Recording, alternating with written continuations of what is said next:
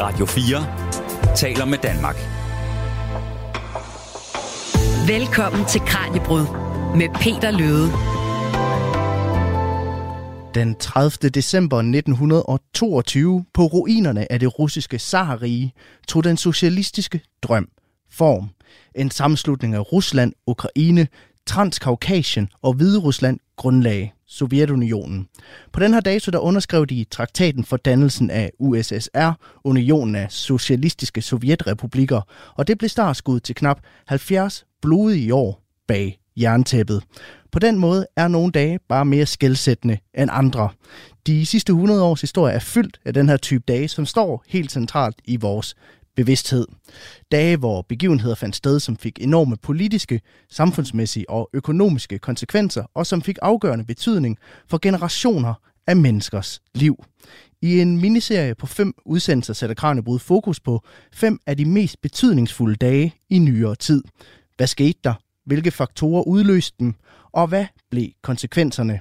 I dagens afsnit skruer vi tiden tilbage til Sovjetunions fødsel og undersøger, hvordan grundlæggelsen fandt sted.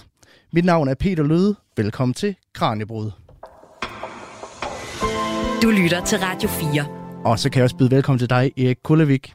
Du er lektor emeritus i historie på Syddansk Universitet, og i dagens program skal du også hjælpe os med at forstå, hvad det var, der ledte til dannelsen af Sovjetunionen i 1922.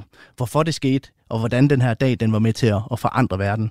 Og måske skal vi starte med at få helt kort på plads. Altså, hvorfor er den her begivenhed, grundlæggelsen af Sovjetunionen, et af de afgørende øjeblikke i det 20. århundrede? Jo, fordi den jo markerer en grundlæggende splittelse øh, af, af, af Europa og måske endda hele verden i øst og i vest, altså med, med, med de kapitalistiske demokratier i vest og, og så det nye, nemlig det socialistiske øh, land, Sovjetunionen. Og det var sådan ifølge marxismen i hvert fald sådan antagonistiske modsætninger, de kunne, det kunne kun løses ved en, ved en omfattende revolutionær krig, hvor hele verden blev socialistisk. Så det er klart, her starter sådan set allerede i 1917 den kolde krig. Så det er simpelthen også nogle af de moderne magtstrukturer, der bliver lagt an til her, hvor vi stadigvæk det opdeler ting i, i øster og, og vest, som vi gør den dag i dag.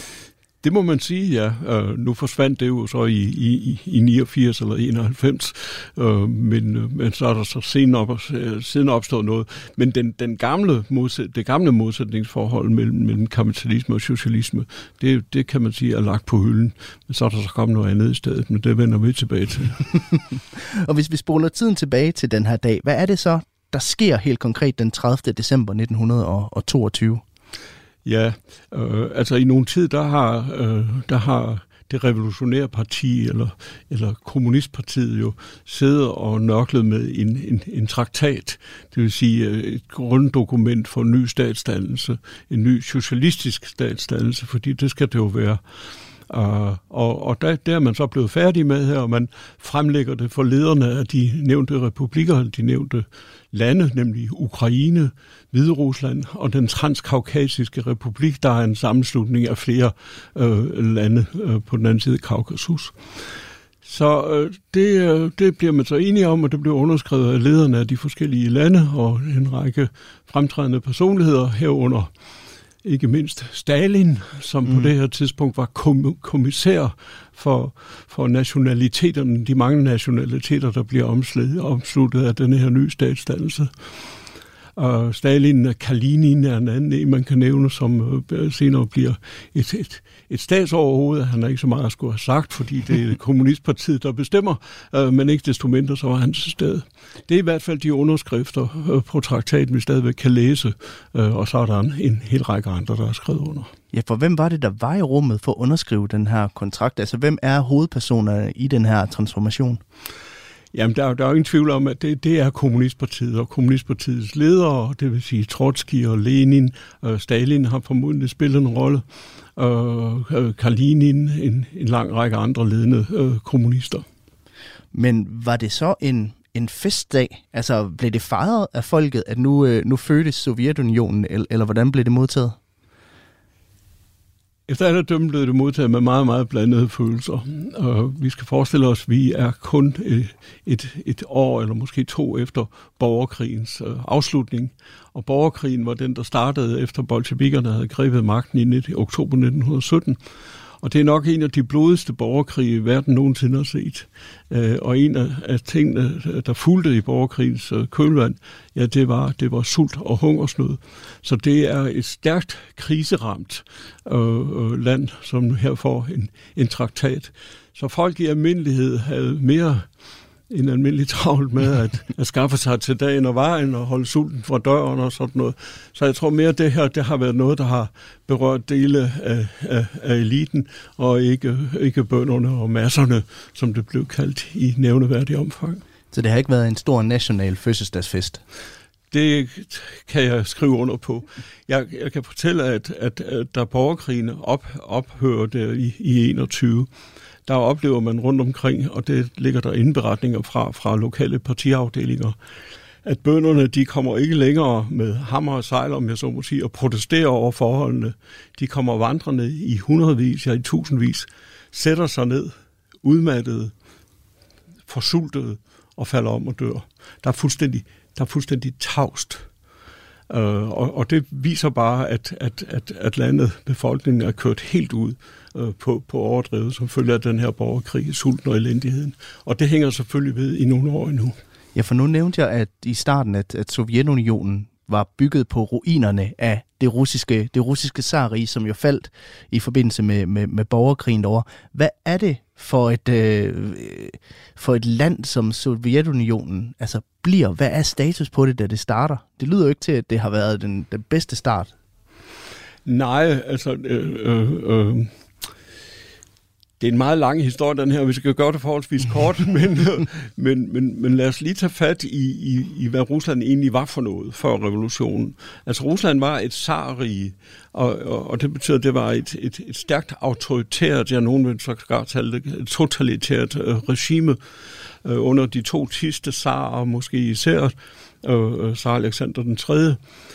og Nikolaj den anden. Altså, de var, de var øh, måske nogle af de mest reaktionære øh, Tsar og Rusland nogensinde har set, måske bortset fra Ivan den grusomme, men ham lader vi ud af betragtning her. øh, de forsøgte på mange måder at skrue tiden tilbage øh, til, til tiden før Alexander den anden, øh, der fra 60, 1860 og frem øh, lavede en række reformer, der rykkede Rusland i retning af Europa.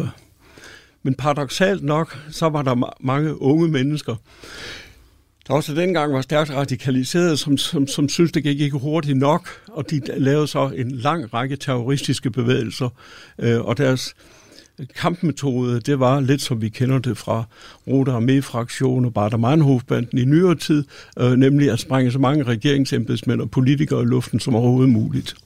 Og det gik man så i gang med, og i 1881, øh, der bliver reformsaren Alexander II sprunget i luften i midten af St. Petersborg.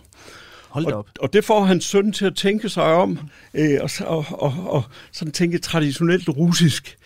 Overlader vi for meget til samfundet, så, gør, så, så, så, så bliver der oprør, og for, så, så forsvinder den russiske stat.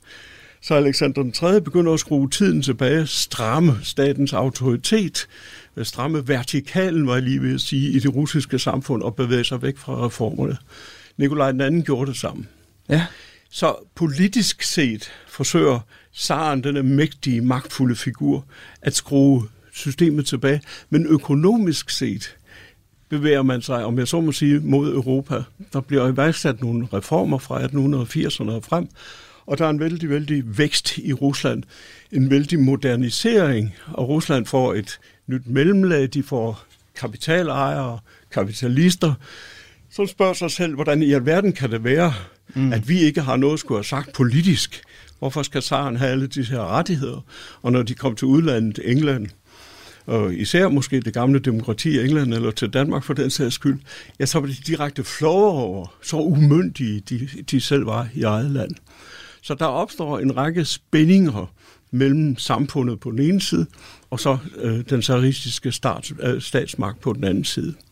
Oven i det her kommer så den ulyksalige, forfærdelige Første Verdenskrig. Mm der jo starter i 1914, og som øh, Rusland ret hurtigt tilslutter sig, øh, altså imod Tyskland. Ja.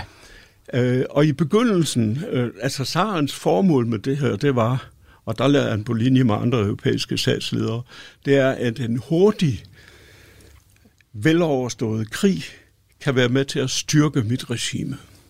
Okay. Men det blev det jo altså ikke. Det blev, det blev en frygtelig ulykke fra Rusland.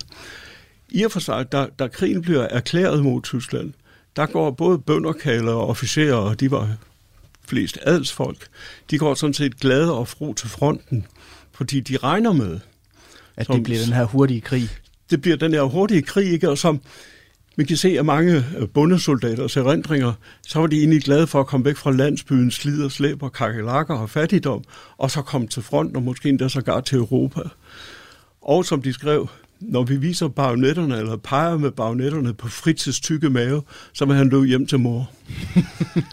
og så møder de altså øh, i slaget ved Tannenberg øh, Ludendorffs øh, tyske tropper, og lider det første af en lang, lang, lang række forfærdelige nederlag. Og så begynder man, nu taler man ikke længere om, om, om Fritz eller Niemce, de stumme, som de Nej. hedder på russisk. Nu taler man om de deutsche Kriegsmaschine, altså den tyske, tyske krigsmaskine.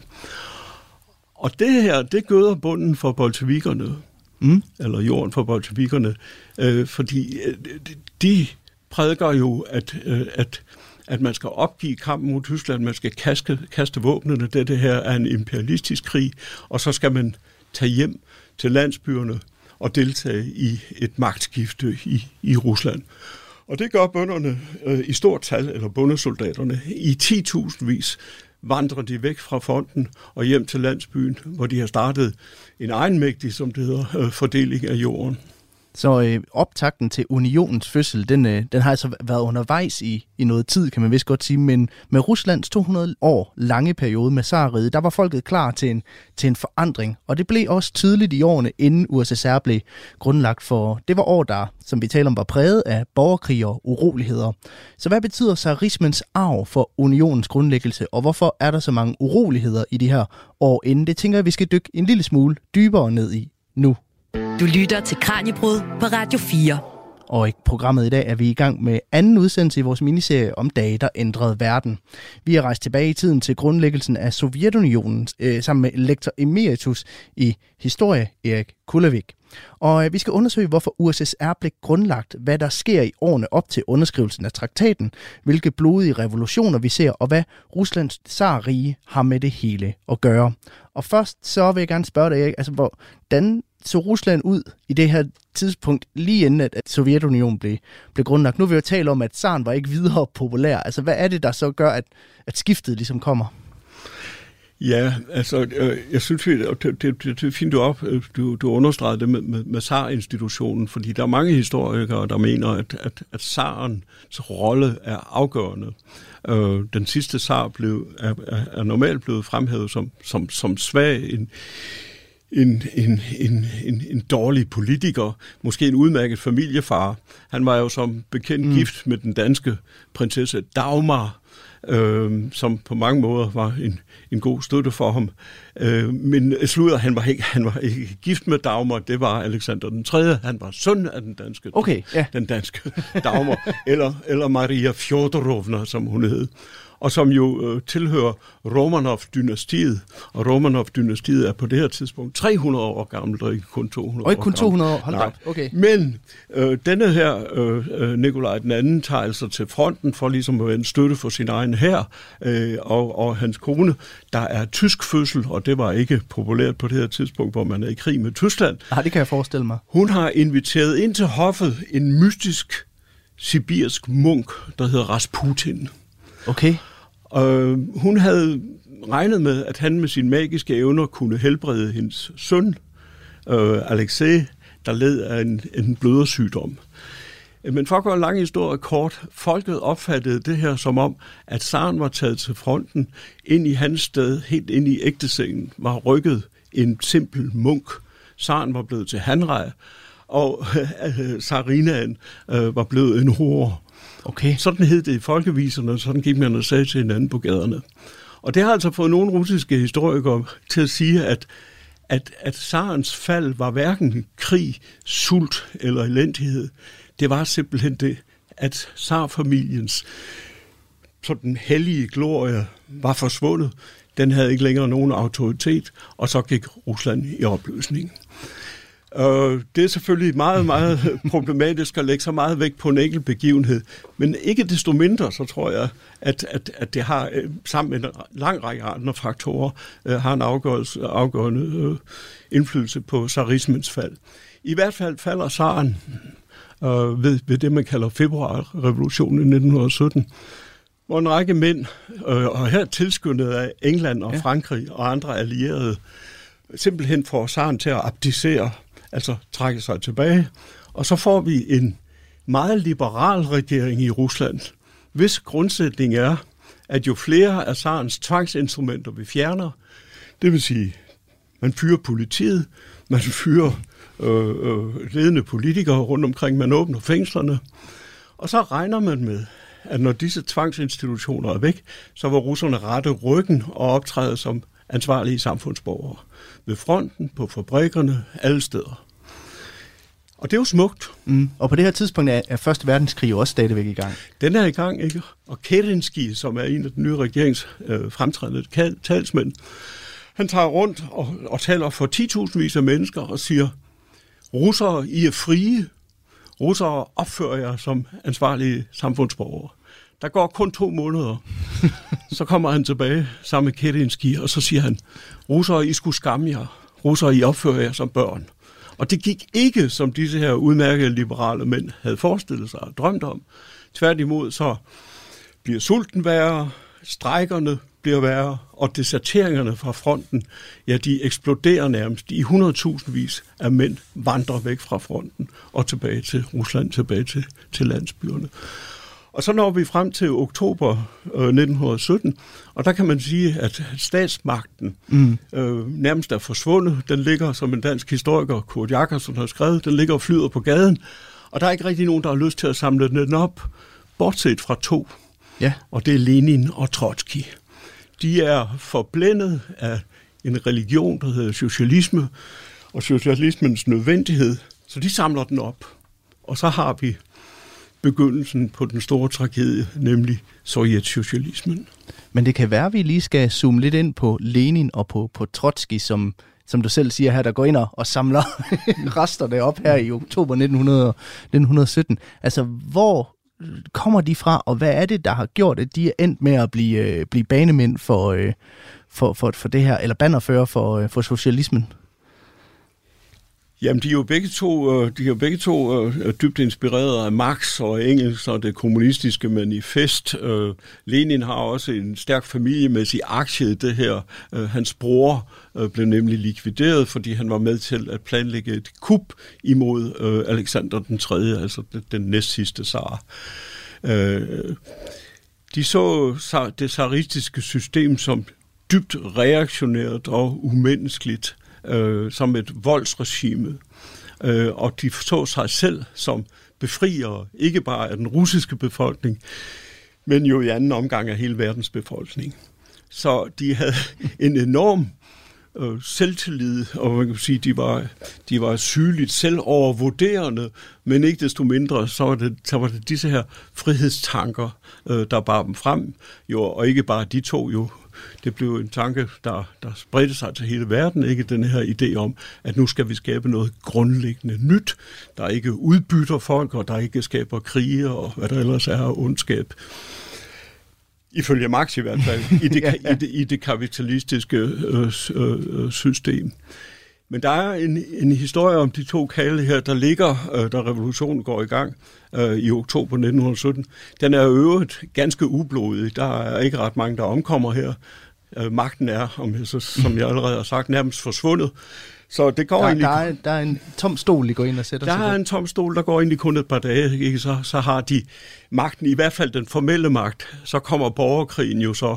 Øh, der er en uhyre udfordring for, for Lenin og Trotsky og, og, og bolsjevikerne, der jo er i virkeligheden bare er en lille kerne af intellektuelle, men som ikke desto mindre for, for skabt et system, og også for opbakning til at grundlægge den her socialistiske stat i 1922 efter borgerkrigen er over. Mm.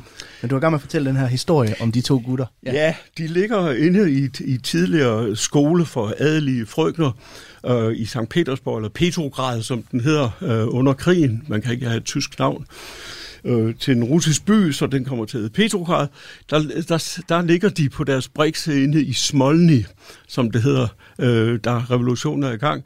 Og så siger øh, Lenin til Trotsky, det var jo nok godt, at vi fik den socialistiske revolution gennemført i et land, hvor arbejdere og bønder er så primitive, at vi kan få dem til at skære halsen over på kapitalister, kapitalister og godsejere. så siger Trotsky til Lenin, ja, det er meget fint, kammerat Lenin, men der kommer også en tid efter revolutionen, hvor vi skal til at opbygge et kapitalistisk samfund. Ikke et kapitalistisk samfund, men et socialistisk industrisamfund, mm. der skal overhale det kapitalistiske samfund. Og det kræver disciplin, mødepligt, arbejdsomhed og en lang række andre kvalifikationer, som vi først skal til at lære de her primitive bønder. Så det er egentlig først nu, kammerat Lenin, at borgerkrigen for alvor starter. Sovjetunionen bliver grundlagt i 1922, og nu er vi i oktober 1917. Hvad sker der i de her cirka fem år øh, fra, øh, fra Lenin og Trotsky, de sætter sig i stolen? Ja, der sker utrolig mange ting. For det første så får vi det, der hedder den røde terror, øh, allerede fra sommeren 1918. Øh, der er øh, socialistiske partier, der ikke er enige med bolsjevikerne om den måde, de vil, øh, de vil føre socialismen ud i livet. Så de danner det kan man sige, det følger en tradition fra det 19. århundrede med at danne terroristiske bevægelser. Der er i sommeren øh, 1918 øh, får de kål på øh, øh, øh, lederen af det hemmelige politi i Petrograd, Uritski, og der er også et attentatforsøg mod selve Lenin, øh, Farina Kaplan, som hun hedder, en, en, en ung kvinde, øh, kommer ganske tæt på Lenin med en gammeldags revolver og får den fyret af og rammer, men øh, sårer ham. Øh, i øvrigt et alvorligt sår, som han aldrig for alvor kommer sig over, men, men altså overlever selve. Men det var simpelthen et snimorsforsøg? Det var et snimorsforsøg. Og så starter det, man har kaldt den røde terror. Og det er en forfærdelig tid, hvor, hvor øh, man sige, moralen på bolsjevikernes side, det er, ja, det kan da godt være, at vi kommer til at slå nogen ihjel, som er uskyldige, men det er for at vinde krigen, det er for at vinde borgerkrigen imod de hvide og de reaktionære. Så henrettelsespelotonerne, de lyder nat og dag i Rusland i de her år. Og det er, øh, øh, det er virkelig alvorlige og grove og, og umenneskelige sager, som sætter sig dybe spor i denne generation øh, på begge sider af fronten, om jeg så må sige, og også de efterfølgende. Så det er, det er borgerkrigen, og det er sulten, øh, og det er et forsøg på at forstyrre på den nye republik, som så bliver grundfæstet i 22. Ja, for nu talte vi om før, at, øh, at den her øh, revolution i februar 1917 til dels også var støttet af, øh, af vestlige magter. Øh, hvordan reagerer de på, øh, på Lenin og Trotskis styre? Med forfærdelse. Og fordi der følger jo i kølvandet på det her, at alle vestlige investeringer øh, i Rusland, de bliver øh, beslaglagt. Øh, og der er store, også store danske investeringer, men det er måske især franske og, og, og engelske. De, man har investeret i Ruslands industrialisering fra 1880 og frem, ganske betydelige midler, og de bliver nu fjernet med et pennestrøg af den øh, revolutionære regering. Og så er der jo også en, en udbredt frygt for, at denne bolsjevistiske eller marxistiske tanke vil brede sig til tyske arbejdere og tyske soldater og engelske arbejdere og engelske soldater, således at man får, og det regnede Lenin og Trotsky jo med, helt op til mm. Lenin dør i 24, at det her, det er gnisten, der tænder det verdensrevolutionære bål. Lenin og Trotsky er helt på det klare med, at, at Rusland ikke er noget højt udviklet industrisamfund, men en stor arbejderklasse, der er klar til at overtage samfundet. Her må vi have Tyskland med, sagde de til hinanden. Og de regnede med, at de tyske soldater ville vende hjem og lave en revolution i Tyskland. Og så har vi det, som de kaldte det industrielle proletariats tyske lyntog, der vil trække Rusland og hele Europa frem mod socialismen. Så det var sådan set en start på en, en revolutionær socialistisk bølge på tværs af hele verden, i hvert fald i, i, i deres håb. Altså et af valgsprogene, det var, proletarer i alle lande forener Og denne verdenskrig var en ved stykkelighed for Lenin og for Trotsky og for andre marxister. De så jo modsætningen i verden ikke mellem tyskere og russere og englænder og danskere. Modsætningen var mellem kapitalister og arbejdere, mellem udbytterne og de udbyttede. Og da tyskerne, de tyske arbejdere, de russiske arbejdere for den sags skyld, og de engelske, vandrede til fronten og kæmpede for deres fædreland, ja, så, så, så ramte det Lenin og Trotsky med, med, med forfærdelse. De havde regnet med et eller andet sted, at den her fædrelandets Europa var overstået. Det var den så ikke. I 1922, der, øh, der sætter de så pinden til papiret og, og får dannet USSR. Øh, men hvordan adskiller den her nye union sig så fra Sarriget i, i sin den spæde tid her i, i starten af 20'erne? Altså, hvad er det første, de forsøger at ændre, da, da kontrakten er underskrevet? Ja, det, det er jo interessant, at i, i denne kontrakt øh, står der faktisk, at de lande, der melder sig ind i unionen, de har ret til at udtræde igen. Og det, okay. øh, det er en frivillig tilslutning til den her union.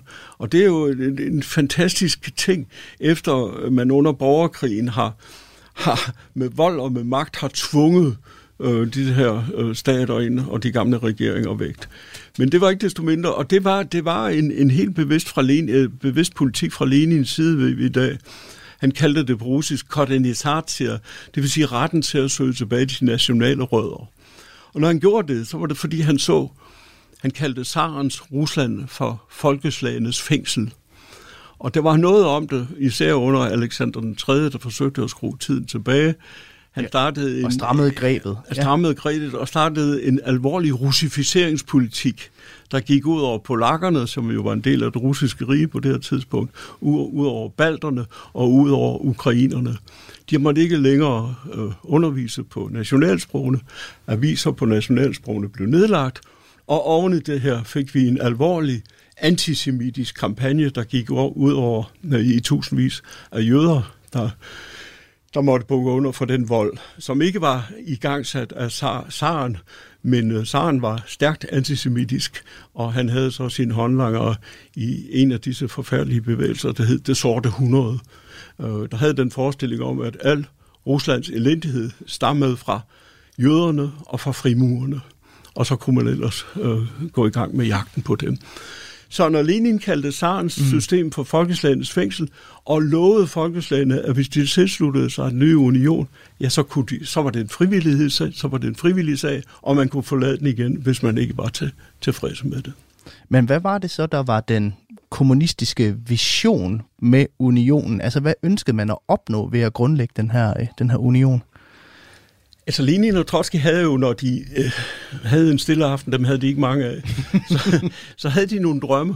Og en af de drømme, det var, når vi først har overbevist arbejderne og bønderne om, at de ikke arbejder for en kapitalist eller for en godsejer, men at de arbejder for sig selv, for deres børn, for deres liv og deres tilværelse, ja, så ville vækstkurvene i Rusland slå et hver kapitalistisk øh, system hurtigt. Det vil simpelthen overhale det indenom. Simpelthen. Den der form for, for radikal økonomisk demokrati, hvor folkene bliver, eller sige, arbejderne bliver, med, øh, bliver herre i eget hus, det vil, det, vil, det vil give det her et vældig, vældig stød.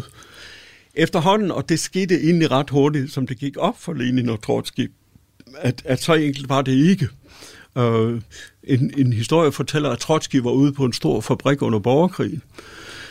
Der arbejdede et par tusind mand. Mm. Uh, der, der skete ikke noget, da han kom derud, og han kaldte sig på direktøren og spurgte, hvad pokker sker der her? Jeg arbejderne strækker, siger han så. Og så siger Trotsky, okay, kald dem sammen næste morgen.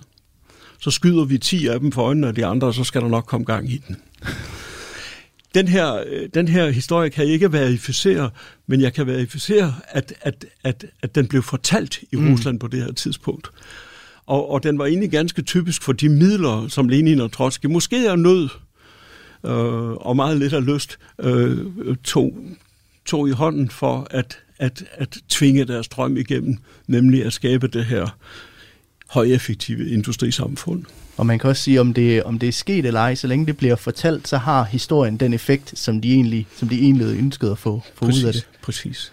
Men øh, jeg tænker, vi skal gå videre og se lidt på, hvordan de næste 70 år så så ud for Sovjetunionen. Hvordan påvirkede de skiftende ledere i unionen den retning, som den bevægede sig i, og hvordan så livet ud for de russiske folk under det nye styre. Og hvordan forandrede det her verden, som man kendte den. Det skal vi høre om nu. Radio 4 taler med Danmark. Du lytter til Kranjebrud, der i dag er rejst tilbage i tiden til den 30. december 1922, dagen hvor Sovjetunionen blev grundlagt. Jeg hedder Peter Løde, og jeg har besøg af lektor emeritus i historie Erik Kulavik, som i dag hjælper os med at forstå, hvad der ledte op til dannelsen af USSR, og hvordan det forandrede verden for altid. Og Erik, jeg tænker, vi skal kaste os ud i og se på, hvordan tiden efter den her dag efter øh, Sovjetunions fødsel så ud. Og vi har allerede snuset en lille smule til det, men hvad sker der under den nye ledelse i det første årti i det, i det nye, nye etablerede USSR? Ja, Øh, da Lenin og Trotsky har, har grebet magten ved det her, som jeg hellere vil kalde statskup en, en, en, en revolution mm. i oktober 1917, øh, der indfører de den såkaldte krigskommunisme. Øh, og krigskommunismen, det betyder, at, at pengesystemet er afviklet, øh, banker er afviklet, hele, hele det kapitalistiske, saristiske system bliver lagt på hylden, og man starter så en kommandoøkonomi, kunne man kalde den. Altså bønder for, for, for, får besked på at levere så og så meget korn og så og så meget af deres afgrøder øh, til staten. Der sendes øh, agenter ud på landområdene. Hvis de ikke afleverer den frivillige, så bliver den tvunget ud af dem. Det er, det er krigskommunismen, og det er den som bønderne øh, oplever, og som arbejderne, hvilket som helst andre, altså løn får, får man ikke længere for at arbejde, man får øh, varer og rationeringskort og sådan noget. Og som en, en estisk, jødisk økonomisk historiker har skrevet, så har der i verdenshistorien kun været et menneske, som ville arbejde uden løn, og det var Jesus Kristus. så det her system var i hans øjne dømt til undergang fra begyndelsen af. Og så meget sandhed er der også i det, at, at, at det socialistiske system helt op til sin død i slutningen af 80'erne, ja, det var frygtelig ineffektivt i forhold til en kapitalistisk økonomi. Men det er så måske en, en, en lidt anden historie. Men i hvert fald så har man den her krigsøkonomi øh, i en række år. Men Lenin øh, og Trotsky indser øh, allerede i 21, at den går ikke. Mm. Vi er midt i hungersnøden. Øh, bønderne holder deres produktion tilbage og, og øh, det er ikke særlig effektivt at, at drive den ud af dem, øh, drive deres produktion ud af dem med, med vold og med terror. Så Lenin går et skridt tilbage, og han har sikkert sagt til sig selv for at gå to skridt frem senere. Mm. Så krigsøkonomien øh, afløses af det, Lenin kalder den nye økonomiske politik. Bønderne får nu penge for deres varer, og der bliver åbnet markeder igen. Og en del af russisk øh, håndværk og den mindre industri, ja, den går over på private hænder igen. Og det er næsten mirakuløst. Det er næsten som i Disneys eventyr, det her. I løbet af få år er sulten afskaffet, og russisk økonomi begynder at gå frem. Det er bare hovedmotoren i det her, at det private initiativ, og det var ikke det, der var meningen. Nej, det går jo lidt imod det, den vision, de havde haft for, øh, Absolut, ja. for deres nye samfund. Så der er altså stærke kræfter i partiet, der siger, at det kan ikke, det kan ikke gå det her. Vi, vi taber kampen til ribønderne, eller kulakkerne, som de kaldte den. Og faren for, at vores socialistiske system bliver omstyrtet, og vil vi komme tilbage til noget, der ligner sarismen, er overhængende. Man så sig hele tiden troet, ikke bare internt, men også eksternt, af den fjendtlige kapitalistiske verden. Så det er med til at, at skabe den her paranoia hos den, den sovjetiske ledelse, som ikke kan få kontrol og øh, det hemmelige politi stort nok, som ikke kan få nok tjek på samfundet, fordi de hele tiden frygter øh, en opstand for leden. Så den, denne her nye økonomiske politik er egentlig ret succesfuld, mm. og det er interessant, da Gorbachev i midten af 80'erne begynder at tale med sine partikammerater om at ændre den stalinistiske kommandomodel, ja, så er NEP-politikken, politikken, Lenins NEP-politik, noget de tager op, altså den nye økonomiske politik, der øh, tillader en vis privat økonomisk aktivitet. Men Lenin dør altså i 1924, mm. og Trotsky, øh, Trotsky, må jeg lige ved at sige, øh, er på vej mod magten, men får den ikke, og det bliver, som, som vi ved, øh, øh, Stalin. Ja. Og så starter, kan man sige, den rigtige revolution. Fordi hvad Lenin sådan set havde ønsket hele tiden, men ikke kunne gennemføre på grund af borgerkrig, og fordi bolsjevikernes magt trods alt var begrænset. Han kunne ikke kaste sig ud i en krig med de russiske bønder. Det kunne Stalin. Okay. For Stalin havde opbygget et mægtigt magt- og kontrolapparat. Det startede allerede under Lenin. I 10.000 vis af mennesker var blevet henrettet og sendt i lejre osv. Så, videre, så, videre. så her har man her har han et jerngreb, et stålgreb, kan man sige, om samfundet. Og i slutningen af 20'erne iværksætter han det første afgørende slag mod bønderne, nemlig den såkaldte tvangskollektivisering. Ja. Det vil sige, at alt privat landbrug bliver afskaffet. De mest driftige af bønderne bliver sendt østpå til de magre jord, hvis ikke øh, de bliver udryddet med det samme. Og så får vi disse øh, ulyksalige kollektiver. Og vi skal helt frem til 80'erne, før produktionen igen kommer, landbrugsproduktionen i Rusland igen kommer på niveau med, hvad den var i 1913. Så det er, det er et, et, et voldsomt indgriben. Et, et voldsomt indgriben.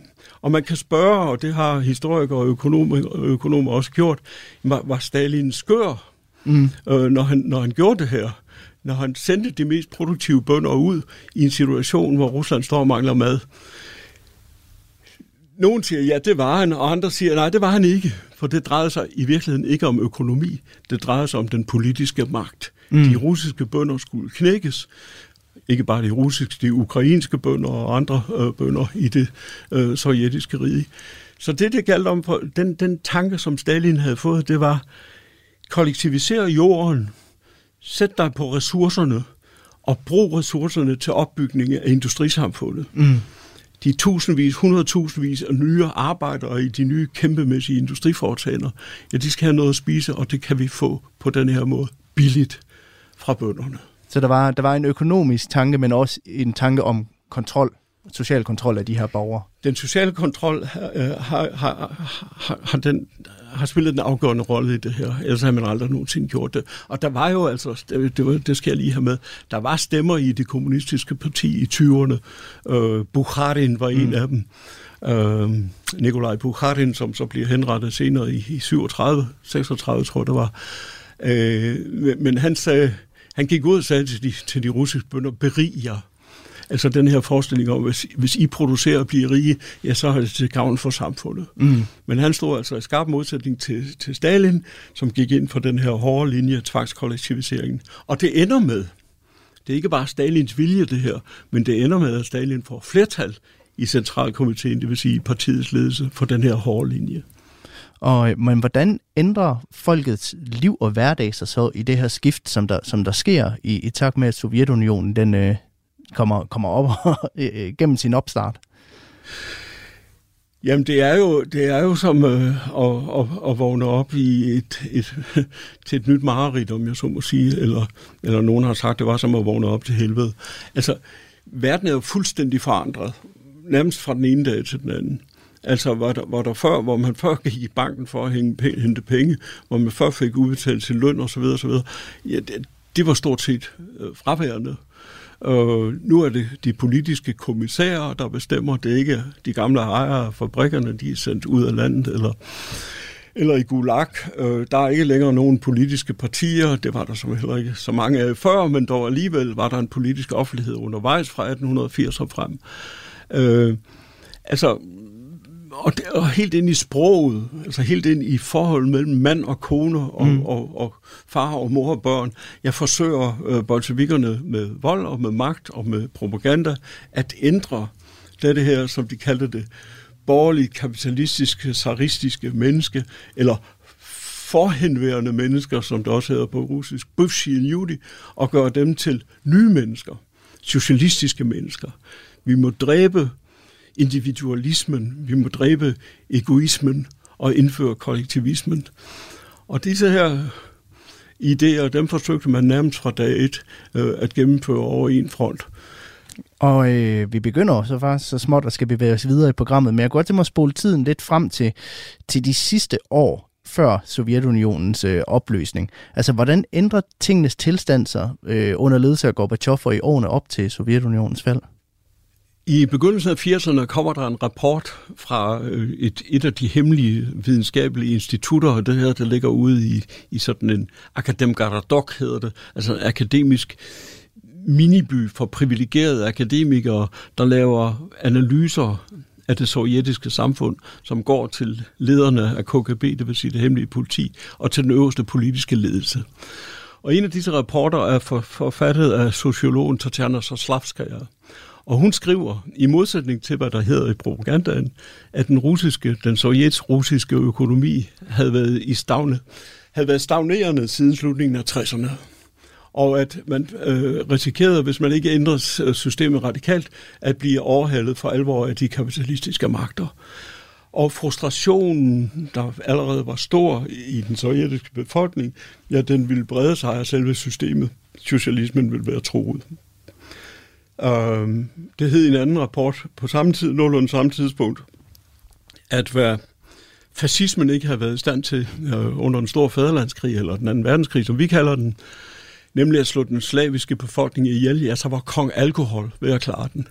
Og der blev fremlagt tal for, hvor forfærdelig alkoholismen var i Rusland, ikke bare blandt mænd, men også blandt kvinder. Antallet af, af invalide børn, øh, misdannede børn, øh, var helt forfærdeligt. Klart nummer et i verden. Så der var et uhyre pres, kan man sige, på den politiske ledelse om at få ændret det her. Og der kan man sige, kommer Gorbachev ind som en, en, en gudsgave. Han havde fra begyndelsen regnet med, at han kunne reformere det socialistiske system. Han tog nogle idéer ind fra Lenins NEP-politik. Men det tog jo fart hen over 80'erne, og, og, og vi ender i en situation. Altså, Gorbachev gik aldrig med til det. Han sagde, at vi skal ikke have flere revolutioner i Rusland. Dem har vi haft nok af. Ja. Men han, han blev mere og mere radikal øh, med sin reformpolitik. Øh, og nogen siger, øh, det er en af hans nærmeste rådgivere, øh, økonomen Gaidar, der senere blev, øh, der også var premierminister, siger til Gorbachev, det kan ikke lade sig gøre at være halvgravid. Enten har vi et marked, en kapitalisme, øh, privat ejendomsret, eller også har vi det, som vi har haft i snart 70 år, et kommandosystem, hvor vi forsøger at regulere det hele fra Moskva, men hvor det aldrig nogensinde er lykkedes os. Så, men Gorbachev holdt altså fast ved, at det kunne lade sig gøre at reformere socialismen, og så falder han og bliver mm. overhalet indenom af Boris Jeltsin, der ja. så får Grejdar som, som økonomiminister. Og som jo helt klart fra begyndelsen siger, at Ruslands vej, det er mod Vesten. Ja, for man kan også sige, at altså, øh, Gorbachev at bliver unionens sidste leder, da han træder tilbage i, i december 1991. Men jeg tænker, vi skal prøve at bevæge os videre og se på, hvordan man så kan spore resterne af USSR den dag i dag, her over 30 år senere. Du lytter til Radio 4. Hvordan kan man se sporene fra Sovjetunionen i det russiske samfund den dag i dag, Erik? Ja, der, der, der er foruroligende mange. Altså, uh, Jeltsin sagde, da han trådte tilbage mm. øh, øh, ved årtusindskiftet, at jeg havde troet, og nu citerer jeg efter hukommelsen, jeg havde troet, at det kunne lykkes at ændre et fattigt, undertrykt, tilbagestående, mørkt samfund til et europæisk velfærdssamfund i løbet af et års tid. Mm. Det kunne det ikke. Det vil tage langt længere tid, sagde Jeltsin, og så overrakte han nøglerne til Putin. Ja. Øh, se, her var, her var en, en chokterapeut, som havde lyttet til amerikanske rådgivere, Øh, og det havde jeg også mm. personligt i min vurdering af, der ville, hvad, hvad, hvad der ville ske med Sovjetunionen. Når nu man fik det gamle, håbløse system lagt på hylden, og så indført et markedsøkonomi. Ja. Jeg synes, jeg, min vurdering var, at der var så meget talent, så mange dygtige mennesker, og der var klar til at tage værktøjet op, om jeg så må sige, og gøre noget ved, ved, ved situationen i Rusland. Så jeg var også øh, en tid lang chokterapeut og sagde det der med, med kulturen og sådan noget. Ja, ja, det spiller nok en rolle, men, men det vigtigste det er at få gang i økonomien. Vi havde set det i Sydøstasien, ikke, hvor disse tilbagestående økonomier blev til Sydøstasiens tiger og ikke bevægede sig op, så snart de fik et kapitalistisk system. Jeg troede, at det ville også virke mm. i, i, i Rusland. Og inden vi lægger chokterapien helt på hylden, så vil jeg sige, det har det jo også gjort. Mm. Øh, hvis vi ser på nogle af de tidligere øh, stater, der var under sovjetisk dominans, nemlig øh, Østtyskland, øh, Ungarn, Polen, øh, Tyrkiet, øh, hvor, hvor udviklingen jo er, er, er styrtet fremad, efter øh, tøjlerne blev, øh, blev, blev, blev givet fri. Det hører selvfølgelig med til ja. den historie, at disse her øst- og centraleuropæiske lande kom ind i det, det nogen har kaldt den dobbelte elevator, nemlig øh, NATO og EU. Øh, og det er jo ikke bare er ens betydende med penge, men det er også ens betydende med rådgivning, mm. og ikke mindst kontrol. Ja. Og vi ser det med Ungarn for øjeblikket, og også med Polen. Hvis reglerne ikke overholdes, ja, så klapper vi fra kassen eller noget i den stil. Nu må vi se, hvor galt det går. Men, men, men det tror jeg er en del af forklaringen på det her. Rusland kommer aldrig med mm. i det europæiske hus, som Gorbachev drømte om. Og der er en død her for nylig, så sagde han jo, at i, i et interview før, før sin død, eller tæt på sin død, at, at øh, meget af min drøm er blevet opført, øh, opfyldt. Vi har fået skabt det europæiske hus. Min store, store sorg er, at Rusland aldrig nogensinde kom med. Mm. Og jeg tror, han har fat i noget her. Øh, Rusland var, om jeg så må sige, på grund af omstændighederne, ikke mindst af egen skyld, øh, nødt til at hive sig selv op, op med, med, med hårene. Øh, og det har været en, en, en barsk periode. Og men man så jo også tidligere, at, øh, at for eksempel i 1930'erne var det noget med, at ukrainske landmænd blandt andet blev pålagt straf for at modsige sig Stalins regime, og det udført, øh, medførte en hungersnød, hvor flere millioner ukrainer også døde. Altså tænker du, at nogle af de her fortidens sorg og de her indre konflikter og den lange betændte historie, der er mellem nogle af de her stater, også har betydning for sådan noget som Ukrainekrigen den dag i dag? Jamen, det er, det, er, det er der slet ingen tvivl om, at, øh, at, øh, at, at da Gorbachev starter med at bløde op i 80'erne, øh, der starter kan man, det, man kunne kalde den nationale centrifuge, og den kører stærkere og stærkere. Alle de tidligere sovjetrepublikker, alle staterne i Øst- og Centraleuropa ville væk fra Kreml. Mm. Så hurtigt som overhovedet muligt. Og det er interessant også, at, at russerne også ville væk fra Kreml. Altså russerne ville væk fra kommunismen og over mod Europa eller, eller sågar USA. Altså en fælles afsky fra denne her undertrykkende fattigdomsmekanisme. Og så så det, er, det er måske en af de, de største lærestykker, eller de, de største tegn på i dag, øh, eller hvad kan man sige, kulturelle politiske arv fra, fra Europa og fra kommunismen, det er den her flugt væk fra Moskva. Øh, så, øh, og, og, og med til den historie hører så altså det her frygtelige, som ukrainerne i dag gerne vil kalde et, et folkemord, mm. eller et sultmord mod Ukraine. Galadomor hedder det. Øh, det er nu nok, når det kommer til stykket spørgsmål, om det var, øh, det er der nogle historikere, der mener, om det var et bevidst folkemord på ukrainerne, om det ikke bare var en utilsigtet følge af Stalins besættelse af at indsamle korn til eksport for at kunne finansiere sin industrialisering. Og jeg, jeg tror langt hen ad vejen, at, at det sidste nok var det, der spillede den største rolle. Ikke mindst fordi, at der var også områder, der fortrinsvis var mm. beboet af russere, som blev ramt af den her sult, den her forfærdelige uh, hungersnød, hvor måske helt op til 7 millioner mennesker, ukrainere og russere og øh, Azerbaijan og, og, og andre øh, folkeslag i, i, i Sovjetunionen. Og nu, øh, nu øh, begynder vi også at nærme os de, de, de sidste par minutter, vi har, har i studiet her i dag. Erik.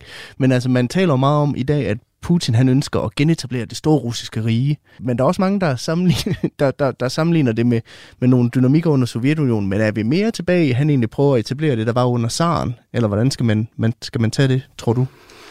Jeg tror, at, at, at Putin tilhører øh, en kreds, noget tidligere KGB-mand. Mm. Han, han, han kendte sig Safskades rapport, og han ved om nogen, at det socialistiske øh, kommandosystem, stalinismen, øh, var en, en uting, var en ulykke for Rusland. Og vi skal ikke glemme, at Putin faktisk har været til stede ved flere øh, ved opførelsen af flere mindesmærker til minder om Stalins øh, udryddelse og repression. Så jeg mener bestemt ikke, at det er Stalin og KKP eller NKVD eller Lenin, der er Putins held. Det er derimod, som du allerede har antydet, Alexander den 3. Altså den autoritære russiske zar, der ville skrue tiden tilbage og få den fulde kontrol med Rusland. øh, og som sagde, at, at der kan kun føres én politik i Rusland, og den er russisk. Så der, Putin i, 1900, i 2017 mm. ikke tager ind på den røde plads og stiller sig op på monumentet eller Lenin-mausoleet, som man ellers har gjort, og, og set den store militærparade, ja, der tager han til Krim og indviger en kæmpe statue af Alexander den 3. Så det er måske et af de mest klare beviser på, at Putins forbillede, det er ikke Stalin, det er den autoritære russiske magtfulde zar. Og det bliver alt, hvad vi nåede i det her afsnit af Kranjebrud. Erik Kullervik, lektor emeritus ved Syddansk Universitet. Tak fordi du har lyst til at være med i dag. Selv tak. Dagens afsnit er en del af en miniserie om dage, der ændrede verden. Og i løbet af serien rejser Kranjebrud tilbage til fem dage i det 20. århundrede, som var så begivenhedsrige, at de var med til at forandre verden for altid. Serien tager blandt andet fat på invasionen af Polen i 1939, der blev startskud til 2. verdenskrig. Vi ser nærmere på mordet på John F. Kennedy i 1963 og månelandingen i 1969, og ser nærmere på, hvorfor netop de her skældsættende dage var med til at ændre verden for altid. Du kan finde alle afsnittene ved at lytte med her resten af ugen på Radio 4, eller finde dem i din foretrukne podcast-app, i Radio 4's egen app, eller på Radio 4's hjemmeside ved at søge på Kranjebrud. Mit navn er Peter Løde. Kranjebrud er produceret af produktionsselskabet Videnslyd for Radio 4. På genhør, og tak fordi du lytter med.